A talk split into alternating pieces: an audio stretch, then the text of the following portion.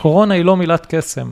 אני, אם לא ידעתי מה היו המחירים לפני, אני לא יכול לזהות הזדמנויות. שלא ימכרו לי סיפורים. שלום לכם, אני גיא ליברמן, עורך הנדל"ן בעיתון גלובס, ואתם על כסף בקיר. פודקאסט על אנשים שהחליטו לשים את הכסף שלהם על נדל"ן. כולנו תקועים בארץ כבר הרבה זמן, וחשבתי איך אני יכול לסייע קצת, ואז צץ לי רעיון לפרק בניחוח אירופאי. משהו שיזכיר קצת שדות תעופה, מטוסים ושופינג מעבר לים. לפני כמה ימים נסעתי לפגוש את אסף לבנת. הוא בן 38, מתגורר בהוד השרון עם האישה ושלושת הילדים, הוא כבר מעל עשור מנהל חברה שמכוונת להשקעות בחו"ל, בדגש על ספרד, עוד יותר בדגש על ברצלונה ומדריד. הוא לא חושש לספר לי על הקשיים שהוא חווה, וגם לא ניסה להמתיק מסרים כמו עוד שנייה המשבר מאחורינו, וההזדמנויות הגדולות ממש מעבר לפינה. במילים אחרות, קחו כמה דקות ובואו תשמעו מה קורה היום, ואולי גם בעתיד הקרוב בספרד, שנחשבת לאחת מבירות הקורונה העולמיות. וגם יש לנו מלא טיפים למי שחושבים להשקיע שם בנושאי מימון ומיסוי, כסף בקיר. בואו נתחיל, אבל לפני הכל, קבלו בריף של דקה על מה שהחברה שלו עושה. פתחתי סטופר. אנחנו בעצם מובילים משקיעים ישראלים להשקעות נדל"ן בספרד ומשקיעים בעצמנו. הרבה מהשנים העסקאות שעשינו היו דירות פרטיות, עד שהתפתחנו וגם קיבלנו ביטחון ונכנסנו לעסקאות שהן קצת יותר גדולות, כמו השבחה של בניינים או בנייה של בניינים, שסיימנו כבר שניים, תוספת קומות לבניין ופרויקטים קצת יותר יזמיים. מה המצב היום בספרד? כיום המצב בספרד הוא סימן שאלה אחד גדול, מהסיבה הפשוטה שבעצם אין עסקאות. עכשיו הייתה כתבה, הבנק המרכזי בספרד נדרש לתת תשובה איך קובעים את שווי השוק. הבנקים רוצים לדעת, חברות מסחריות רוצות לדעת, והם לא יודעים, אין להם שמאויות לתת על בסיס השוואה. אז בעצם אמרו להם, עדיף שלא תוציאו שמאויות, אבל אם אתם חייבים להוציא, תוסיפו הערה בפנים שהשמאות היא בערבון מוגבל. מתי פעם אחרונה היית שם בכלל? ממש שבועיים לפני שהתחילו הבידודים, למי שחוזר מהארץ, אני חזרתי לארץ, זאת הייתה הנסיעה האחרונה, והכל סגור. הרחובות סגורים, האנשים סגורים בבתים, אין עסקאות, אין פעילות, כנ"ל לגבי משקיעים בארץ. גם משקיע שהיום מאוד מאוד רוצה לקנות עסקה בספרד, הוא לא יכול לטוס, הוא לא יכול לפתוח חשבון בנק, הוא לא יכול לראות את הנכס. האלטרנטיבה היחידה שלו היא להשקיע באמצעות חברה שכבר קיימת שם, ולהיות בעצם חלק מקבוצה. אז איפה זה עוצר אתכם בעצם? מה, מה זה עצר? קודם כל זה עוצר אותנו מלהוציא עסקאות לפועל, כי כשאתה עושה עסקה אתה חייב לעבור אצל נוטריון בספרד, והנוטריון דלתו סגורה, אתה לא יכול להגיע ולחתום על עסקה. זה מוריד את הפעילות לאפס. גם מבחינת משקיעים, עושים את הדבר הנכון, אומרים, רגע, מה קורה עכשיו? לאן הולך השוק? האם יש הזדמנויות? שואלים הרבה שאלות שאנחנו מחכים לראות את התשובות עליהן. מתי אתה רואה שאתם חוזרים לפעילות? מתי הצפי שלך? כדי להימנע ממשהו שמטריד אותנו, שזה צורך בנסיעה לספרד, שבעצם מחייב את משקיע פרטי לנסוע, אנחנו מחזקים מאוד את המודל של קנייה קבוצתית. בקנייה קבוצתית, בגלל שיש לנו חברה בישראל וחברה בספרד, אנחנו לא חייבים את הנוכחות הפיזית של המשקיע בספרד. ואז הפתרון שאנחנו היום, הוא כבר קיים אצלנו ואנחנו מחזקים אותו, זה קבוצה של משקיעים בצורת קרן, שנותנת לנו את הכסף, כי כסף אפשר להעביר, ואנחנו עם הצוות שיש לנו שם בעצם מבצעים את ההשקעות. ומאז תחילת הקורונה, זה הצליח לכם? בגלל שלא היו עסקאות אז לא יכולנו להוציא לפועל. הייתה עסקה אחת שניסינו להוציא לפועל, וכרגע אנחנו מחכים שיהיה אפשר לחתום אותה, אבל אנחנו מתארגנים ליום שאחרי, כי ספרד כבר מתחילה לפתוח את השערים, ואז אנחנו ניכנס לפעילות יותר משמעותית.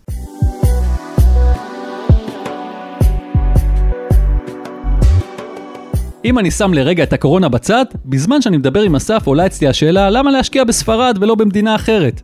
התשובה שלו הפתיעה אותי, וגם קיבלתי שיעור קצר בגיאומטריה על משולשים. אני לא חושב שדווקא ספרד. בסופו של דבר אני חושב שיש הרבה יעדי השקעה, ובכל מקום יש יתרונות וחסרונות. כל אחד צריך להתאים את עצמו, לפי מה שהוא מחפש, לאיפה מתאים לו להשקיע. אני יכול להגיד לך שהסיבה שאנחנו מלכתחילה נכנסנו לספרד זה משבר נדל"ן. שאנחנו ראינו את הירידות ב-2008, ובישראל כבר הרגשנו שהשוק גבוה כמובן עוד עלה הרבה שנים אחרי. בשנת 2011-2012 התחלתי לבצע נסיעות לספרד, בעוד השוק המשיך לרדת עוד שנתיים אחר כך. אבל שוק שהוא בסוף נמצא בנקודה מאוד נמוכה, זה מוצר שאתה מחפש בגלל ההבנה איך מרוויחים מנדל"ן.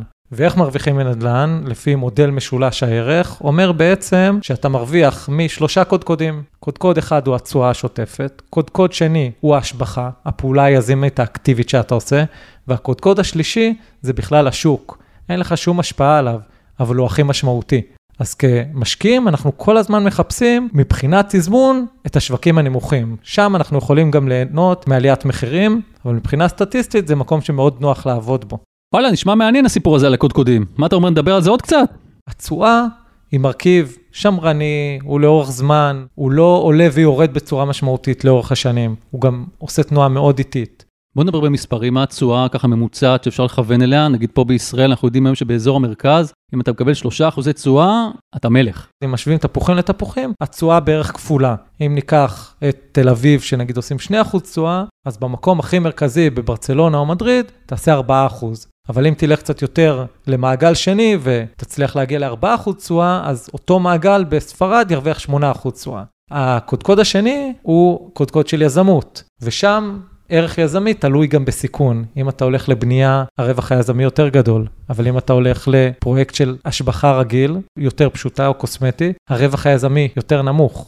אני חוזר תמיד לקודקוד שמתאר את מצב השוק, שאפשר להגדיר אותו לפי מודל של שעון נדל"ן. הוא כל הזמן עולה ויורד, מ-12 ל-6, מ-12 ל-6. ואנחנו תמיד מחפשים להיכנס כמה שיותר נמוך כדי לעלות. באמת לא הכל ורוד. אני יכול להגיד שחלק מהדברים לא תמיד עובדים לפי הציפייה. במהלך השנים הראשונות של העלייה, היה ביקוש מאוד גבוה לעסקאות יוקרה במרכז העיר. אנשים קנו, אנשים מהעולם, משקיעים רוסים, משקיעים סינים, באו וקנו נכסים במקומות פריים בברצלונה ומדריד, בסכום שהוא לא בדיוק מחיר השוק. אם היה נכס שהם מאוד אהבו, במיקום טוב, לא היו מתחשבנים כמונו על מחיר למטר, וזה היה יוצר מרווחים מאוד גדולים. זה עשה שם ממש הצרפתים בגדול עשו לתל אביב? אני חושב שזו השוואה די טובה. מה שקרה פתאום, שאותם משקיעים באו לברצלונה או למדריד, הגיעו כמקום שהוא מאוד בטוח ויציב מבחינתם. ופתאום ב-2017, קטלוניה מכריזה על משאל עם חד צדדי כדי להיפרד. אתה יודע, עניין פוליטי. לך עכשיו תסביר למשקיע רוסי, או סיני, או צרפתי, מה הסיפור שם. הם שומעים בלגן פוליטי, הפגנות ברחובות, חבר'ה, בואו ניקח איזה סטפ בק. תחשוב על משקיעים, ועלינו, שנכנסנו לעסקאות יוקרה, והשקענו ועשינו יפה, והכול שנדליירים, אתה יודע, שנדליירים זה כבר לא האופנה, אבל הכל ברמה מאוד מאוד גבוהה, ופתאום הם לא מגיעים. ופתאום בפרויקט שלנו, של משקיעים שלנו, של 11 דירות יוקרה, מכרנו בקצב מאוד מהיר, ופתאום הם האדירו את רגליהם. וכרגע יש לנו באותו פרויקט שתי דירות יוקרה, שהן עדיין לא מכורות. מצד אחד, זה גם מקטין למשקיעים את הרווח שלהם, בסדר? אנחנו בונים על IRR, והדירות לא נמכרות, אז עדיין יש נכס, וזה נכס טוב, אבל צריך להתחיל לשחוק לו את המחיר. וגם בצד שלנו, אנחנו כחברה מרוויחים מתוך הרווח, מתוך ההצלחה המשותפת. גם בנו הסיכון הזה בסוף פוגע. הקודקוד של שעון הנדל"ן, האם השוק יעלה או ירד, יש לו פשוט השפעה מאוד מאוד גדולה, ואני ממליץ למי שמחליט לקנות היום, לא לבנות על מכירה מחר. זאת אומרת, גם אם אתה קונה היום במחיר נמוך, שוק שנמצא בירידה, קשה לממש. הרעיון הוא לקנות, להחזיק, ליהנות מדמי שכירות במהלך השנים, ושהשוק חוזר, אז להתחיל באמת למכור למי שיגיע בסיבוב הבא.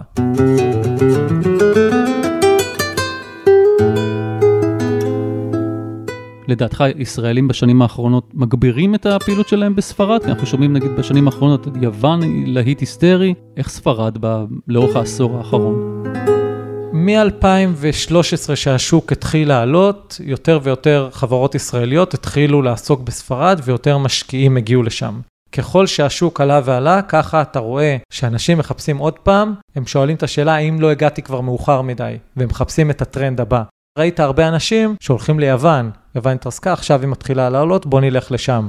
אבל זה מביא סוגים שונים של משקיעים, בשלבים שונים. אז תן לי את מודל ההשקעה הקלאסית. אני עכשיו יש לי איקס כסף בצד, החלטתי שאני רוצה להשקיע בנדל"ן, שמעתי על ספרד, הגעתי איכשהו לאסף לבנת, מה אתה מציע לי? נחזור לימים של לפני הקורונה, אז זה היה שני מוצרים. אחד, זה דירה פרטית על שמך שרשומה בטאבו. בעצם לכל דבר ועניין, כמו שאנחנו מכירים בישראל, עם כל היתרונות וכל החסרונות. הדירה שלך, אתה קובע מתי לקנות אותה, מתי למכור אותה, האם לגור בה חלק מהזמן, הכל פתוח להבנתך. המודל השני, שהוא, אני חייב להודות, מאוד מתחזק במהלך השנים, גם אצלנו בחברה וגם מבחינת משקיעים, זה להשקיע כקבוצה. אם בעבר רק יזמים מאוד גדולים היו יכולים להיכנס לפרויקטים גדולים, היום במודלים של קבוצה שההגנות המשפטיות הולכות ומתחזקות מתוך ניסיון עבר, ראה רשות לניירות ערך שמגנה על אה, קבוצות משקיעים ועל ניצאים, ראה חוזים משפטיים וביטחונות שהמשקיעים מקבלים, בעצם העסקאות אולד סקול של דירה בטאבו קצת קטנות, לעומת הקבוצות שמשקיעים מרגישים בזה יותר בנוח. בעצם להשקיע בתוך מודל, אם הוא בנוי בצורה יותר נכונה, ואז אנחנו נכנסים גם לפרויקטים יותר גדולים. מה הערך שלי לבוא דרך אה, חברה כמוך או חברה אחרת שיש את אותה דירה שעכשיו אני קונה בברצלונה? למה לי לבוא דרכך ולא ללכת, למצוא ביד שתיים הספרדי, לא יודע איך קוראים לו, ולקנות את הדירה הזאת בעצמי? בסוף מדובר על קיצור דרך. כל אחד יכול ללכת, ואני מאמין שאם הוא יעשה מספיק עבודה בשוק, זאת אומרת, הוא צריך שלושה דברים, הוא צריך זמן, הוא צריך כסף, הוא צריך קצת הבנה בנדל"ן. איך בוחנים, איך משווים, אני חושב שאתה יכול למצוא עסקה נהדרת, אם תיסע לבד, אם תשקיע את הזמן ואת הכסף, ויש לך קצת יכולת להבין נדל"ן, תוכל למצוא עסקה לא רעה, כי בסוף, כשאתה עובר דרך חברה, לא משנה אם זה יהיה דרכנו או חברה אחרת, יש לך תשלום שאתה משלם עבור הקיצור דרך הזה. יש אנשים שמעדיפים את זה ככה, ויש אנשים שמעדיפים באמת לעשות לבד. קיצר, אפשר גם לבד, ואם כבר לבד, שנקבל עוד קצת טיפים. ביקשתי מאסף כמה הבהרות לגבי תחומים כמו מיסוי, מימון ועניינים בירוקרטיים, נוסח ספרד. אז בואו נתחיל מהמיסוי. מיסוי בכל עסקת נדל"ן הוא חלק מאוד משמעותי. הוא שחקן מאוד חשוב בתוך העסקה. ספציפית בספרד, מס הרכישה משתנה ממקום למקום. יש מקום שבו זה 6%, יש מקום שזה בו 10%. לזה יש לך עלויות של עורך דין, שזה בערך 1%, אם עבדת דרך חברה, אז יש לך תוספת של עלויות, נגיד אנחנו גובים 5% פלוס מע"מ, אתה הולך לנוטריון שאתה חייב, ויש לך עלות של נוטריון. וזה בנוסף לעורך דין. כן, לא קשור, נוטריון הוא רק רושם את העסקה. הצד השני זה משכנתה, מימון. ביום שלפני הקורונה, ואנחנו לא יודעים מה יהיה אחרי, משקיעים ישראלים קיבלו מימון. זה היה 50 אחוז בדרך כלל, היו כאלה מעטים שקיבלו גם 60 אחוז, וגם לזה יש עלויות. שזה הבנקים פה בישראל, לא, בנק ספרדי מממן משקיע ישראלי, די דומה לתהליך משכנתה שישראלי עובר בישראל, הוא רוצה לדעת מי הוא, הוא רוצה לדעת מה הוא מרוויח, הוא רוצה לראות את התלושים שלו, הם מכירים כבר, מה זה 106. כל תושב מכל העולם יכול לבוא לבנק בספרד, להגיד לו שלום. בגדול. כל אחד יכול. לא משנה אם אתה אזרח ספרד או אזרח של מדינה אחרת. הבנקים בספרד, נכון להיום לפני הקורונה, ובואו נראה מה קורה אחרי, נותן מימון למשקיעים ישראלים. מה עם מימון פה מישראל? בנקים ישראלים לא ימשכנו, מימון אפשר לקחת, אבל זה לא על משכון של נכס. בנק ישראלי לא ימשכן נכס בספרד, כי גם הוא לא יכול לממש אותו. אנשים יכולים להביא כסף מהבית, מישראל, ממימון, אבל לא בצורת משכנתה.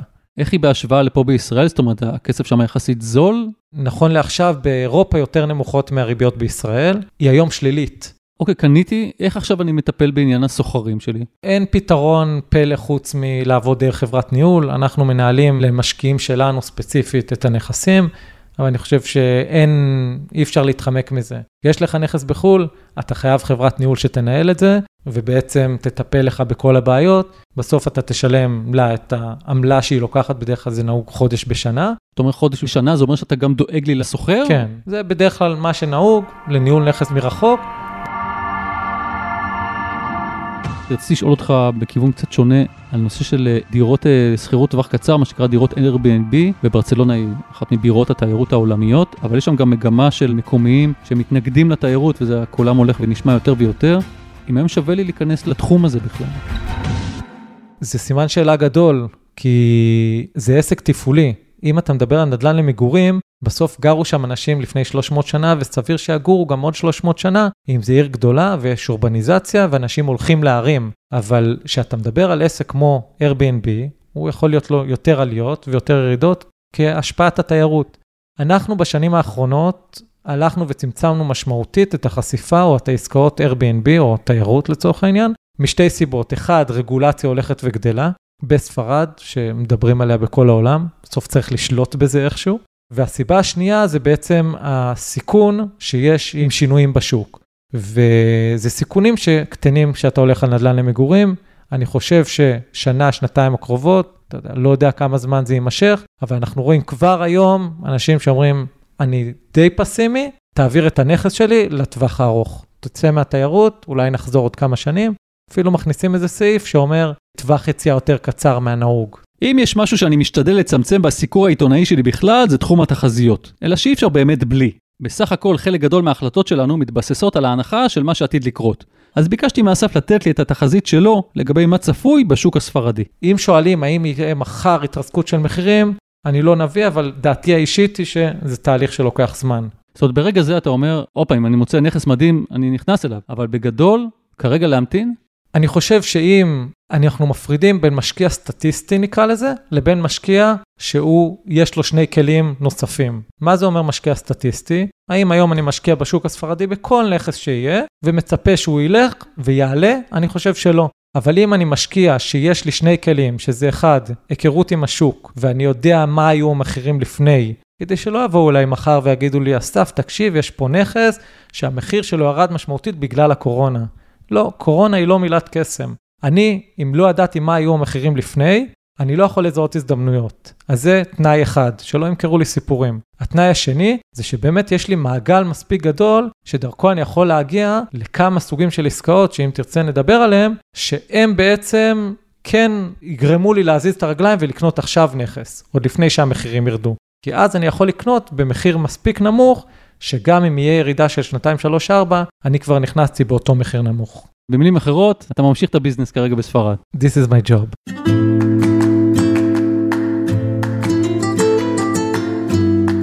אז זו באמת העבודה, אבל תמיד כשאני רואה חברות שמשווקות נכסים מעבר לים, רצה לי השאלה בראש, איך אני יכול לדעת שאפשר לסמוך עליהם? קצת הרמה להנחתה, כי מי יעיד על עצמו שהוא נוכל? לא שאני מכוון לשם עם אסף, אבל מעניין אותי לדעת מה הוא והחברה שלו עושים, שיגרום לאנשים לסמוך עליהם. אנחנו בודקים חברה כמו שאנחנו בודקים שיפוצניק או חשמלאי. בסוף זה מבוסס על היכרות, מיילג', על זמן שהחברה עובדת, על דברים שאתה עושה בדיוק כמו שאתה מחפש לדעתי כל בעל מקצוע אחר. ככה אנחנו עובדים עם המלצות, הרבה מהמשקיעים מבקשים לשמוע המלצות. בוא נגיד שסביר להניח שחברה שהתנהלה בצורה ישרה עם משקיעים שלה לאורך זמן, תמשיך ותתנהל ככה מתוך אג'נדה.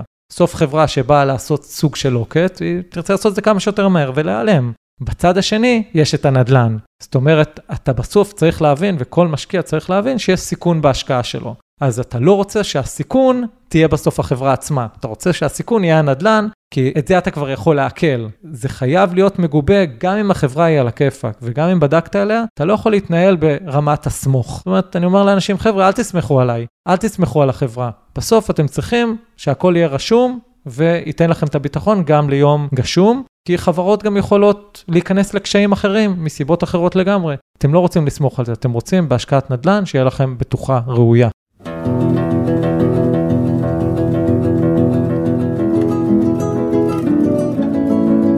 אנחנו מדברים ואני פתאום שם לב שלא דיברנו על מספרים בכלל. אני היום רוצה לקנות דירה להשקעה ככה בהכי ממוצעת שיש, או להיכנס לקבוצה כזאת, כמה כסף אני צריך להביא מהבית בכלל? בשנים האחרונות עסקאות שההון המינימלי שאנשים הביאו בשביל לקנות דירה בספרד, ואני לא מדבר בספרד על כלל המדינה, אלא באמת על מדריד וברצלונה, אם זה מעגל ראשון או מעגל שני, סדר גודל של 100 אלף יורו, זה היה מינימום של ההון העצמי שמשקיע היה צריך לבוא כדי לקנות דירה שמבחינתנו היא דירה מספיק טובה, שתעשה לו מעט מאוד בעיות. יהיה לה ביקוש, יהיה אפשר להשכיר אותה בקלות. במילים אחרות זה משהו כמו מיליון שקלים, אם אני מחשב את זה יחד עם 50% משכנתה. אנשים הגיעו לעסקאות של בין 170 ל-200 אלף יורו בטוטל. בקבוצות השקעה אנחנו בדרך כלל מתחילים גם מ-100 אלף יורו. אנחנו נותנים לכמה משקיעים שרוצים להיכנס עם סכום קצת יותר נמוך של 50 אלף יורו, אבל הממוצע שלנו זה 150 אלף יורו של השקעה. אז זה בגדול כרטיס הכניסה של השקעה בספרד. נראה מה יהיה עם הדירות בעתיד והאם הסכום יקטן, ימים יגידו. תגיד ככה, לפני סיום אני רוצה לשאול אותך, אם אני אתן לך עכשיו את הסצנריו הוורוד שלך, כמה קבוצות כאלה אתה חושב שאתה סוגר עד סוף השנה? האמת היא שאני לא חושב שזה כמות. אני ניזון בעצם מההצלחה של הקבוצה. החברה שלנו בסוף מרוויחה אם הקבוצה מצליחה. מאוד חשוב לנו לעבוד יחסית בקבוצות קטנות, של 3-4 מיליון יורו, אתה חייב להיות קטן, מהיר, עם לא המון כסף, לא להיות בלחץ, אתה יודע, להשקיע עכשיו 50 מיליון יורו, אלא להיות זריז, ואני חושב שהמדד שלי הוא לא כמות של קבוצות שאני הולך לעשות, אלא באמת לעשות קבוצה, להצליח לקנות נכסים טובים, ואז להמשיך לפעילות נוספת. שאלת שאלה, אז אני אגיד לך שאני לא אעבור השנה את השתיים, אם זה יהיה שלושה, זה יהיה כנראה כי... הדברים רצים מאוד יפה ומהר. לקראת סוף השיחה שלנו אני קולט שכל הזמן שאנחנו מדברים, מאחורי הסף תלויה תמונה גדולה כזאת של ברצלונה שרואים בה את העיר ואת הים, והייתי חייב לשאול, כמה נכסים קנית שם בעצמך עד היום? בוא נגיד שאני מעדיף לשמור על הצניעות, אני לא מפרסם את כמות הנכסים שאני קונה. חלק מהעסקאות גם עשיתי בשיתוף עם משקיעים, משהו שכבר אני לא עושה היום. אני מאוד מאמין באזור השקעה הזה, כי אני רואה שיש הרבה ביקושים. ברצלונה ומדריד הם ערים חזקות. ולך יש עדיין דירות שם בהשקעה באופן פרטי? כן. טוב, זה מדד אה, משמעותי למישהו שבוחר דירות להשקעה. תבוא לבקר. בברצלונה? וואי, תן לי לצאת מהארץ. מתי היית פעם אחרונה? אוף, במדריד? מזמן, מזמן. טוב, אז עכשיו כנראה צריך להמתין בסבלנות. כן. טוב, אסף, תודה רבה. תודה רבה לך. עד כאן סיפור ההשקעות של אסף, ולפני שאנחנו נפרדים, בואו נתקשר לאריק מירובסקי, פרשן הנדל"ן הבכיר של גלובס, ונשמע מה יש לו להגיד על מצב ההשקעות מעבר לים. אהלן אריק, מה התגעגעת לפודקאסט? ודאי, איזו שאלה, זה המרכז הרי. טוב, אז הנה חזרנו לעניינים, ולא סתם, ישר לספרד. שמעת את השיחה שלנו עם אסף, איך התרשמת ככה בכלליות? באופן כללי אני מאוד אהבתי את אסף, משום שהוא מדבר בשפה שאני מצפה ממשקיע ישר וממשקיע שבאמת אמיתי לדבר. זאת אומרת, הוא לא יודע, הוא יכול לתת לך נתונים של עכשיו, הוא לא יכול להבטיח לך תשואות, הוא יכול לשתף אותך בלבטים שלו. באמת, אנחנו שמענו על כל כך הרבה מקרים שכל מיני uh, מאכערים ואחרים הבטיחו ועדיין מבטיחים uh, ניסים ונפלאות ללא שום בסיס וללא שום הצדקה עניינים.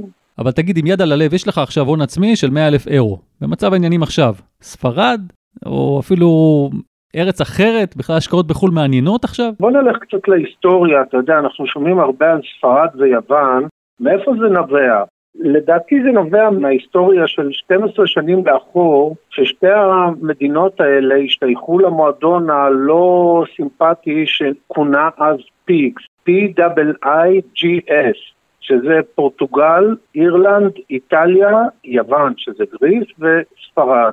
אלה אותן מדינות שעמדו בסכנת התמוטטות עקב המשבר הפיננסי הגדול של סוף העשור הקודם.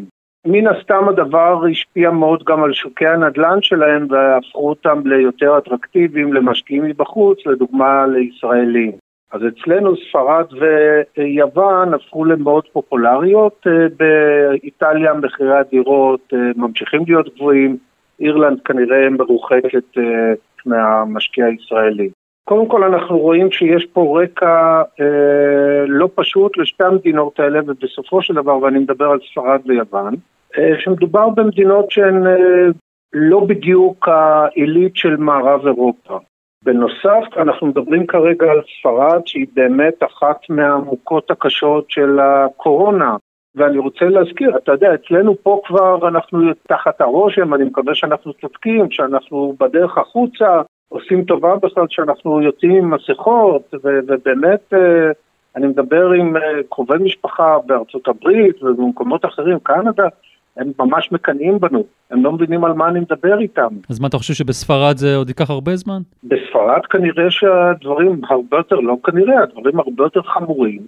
אנחנו לא יודעים בדיוק מה יקרה אם יהיו גלים חוזרים של המחלה הזאת, ועד כמה המדינה הזאת באמת תוכל להתאושש במהירות. יחד עם זה, אני מוכרח לומר שמהצד השני, הקורונה כנראה זה משהו שהוא קצר טווח. זאת אומרת, אם אני משקיע כיום, ואני מסתכל על, ואני אומר שוב, משקיע צריך להסתכל חמש, שמונה שנים מעכשיו, לא פחות, וכנראה שגם לא הרבה יותר, כנראה שהדברים יהיו מאחורינו.